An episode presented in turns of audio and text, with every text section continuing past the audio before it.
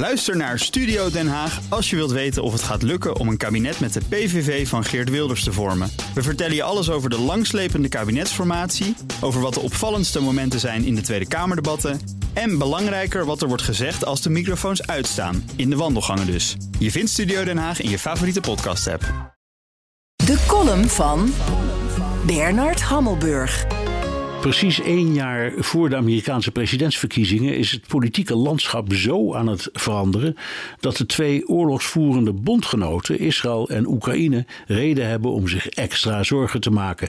De populariteit van Joe Biden is zo gekelderd dat hij in vijf swing states lager scoort dan Donald Trump. Als er nu verkiezingen zouden zijn, was Biden kansloos.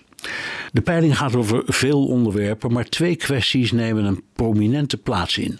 De persoonlijke financiële situatie voor de burger, die volgens de meeste ondervraagden onder Trump verbetert, en de betrokkenheid bij oorlogen, die onder Trump juist gering zou zijn.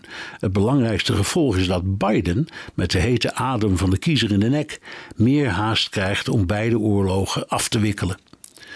Wat Oekraïne betreft citeert het Witte Huis generaal Valery Zaluzny, die zelf een woord gebruikt dat Biden tot nu toe niet in de mond heeft durven nemen: padstelling.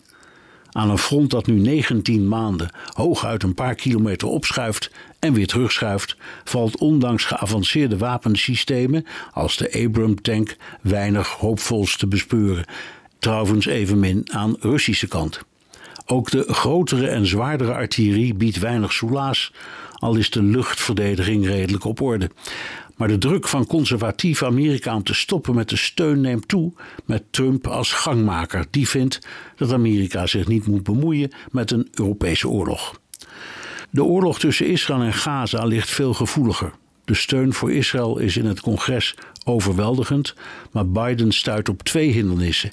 Eén is de overweldigende opkomst bij pro-Palestijnse demonstraties, vooral in steden en op universiteiten. Die zijn bikkelhard en veelal ronduit antisemitisch.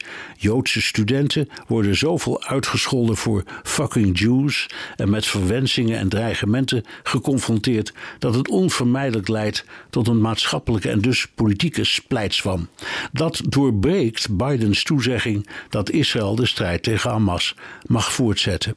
Hij heeft drie urgente wensen: meer nadruk op het lot van de gijzelaars, dat Israël overstapt van 1000 en 2000 pons bommen naar 250 pons bommen, wat Israël negeert, en gevechtspauzes om hulpgoederen Gaza binnen te brengen en buitenlanders te kunnen oppikken.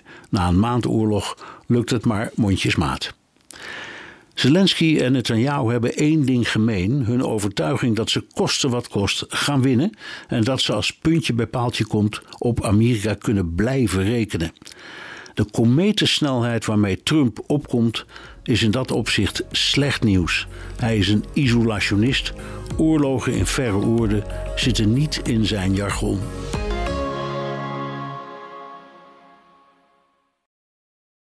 Ook Thomas van Zeil vind je in de BNR-app. Je kunt live naar mij luisteren in Zaken doen. De BNR-app met breaking news, het laatste zakelijke nieuws en je vindt er alle BNR-podcasts. Bijvoorbeeld Het Nieuwe Geld. Download nu de gratis BNR-app en blijf scherp.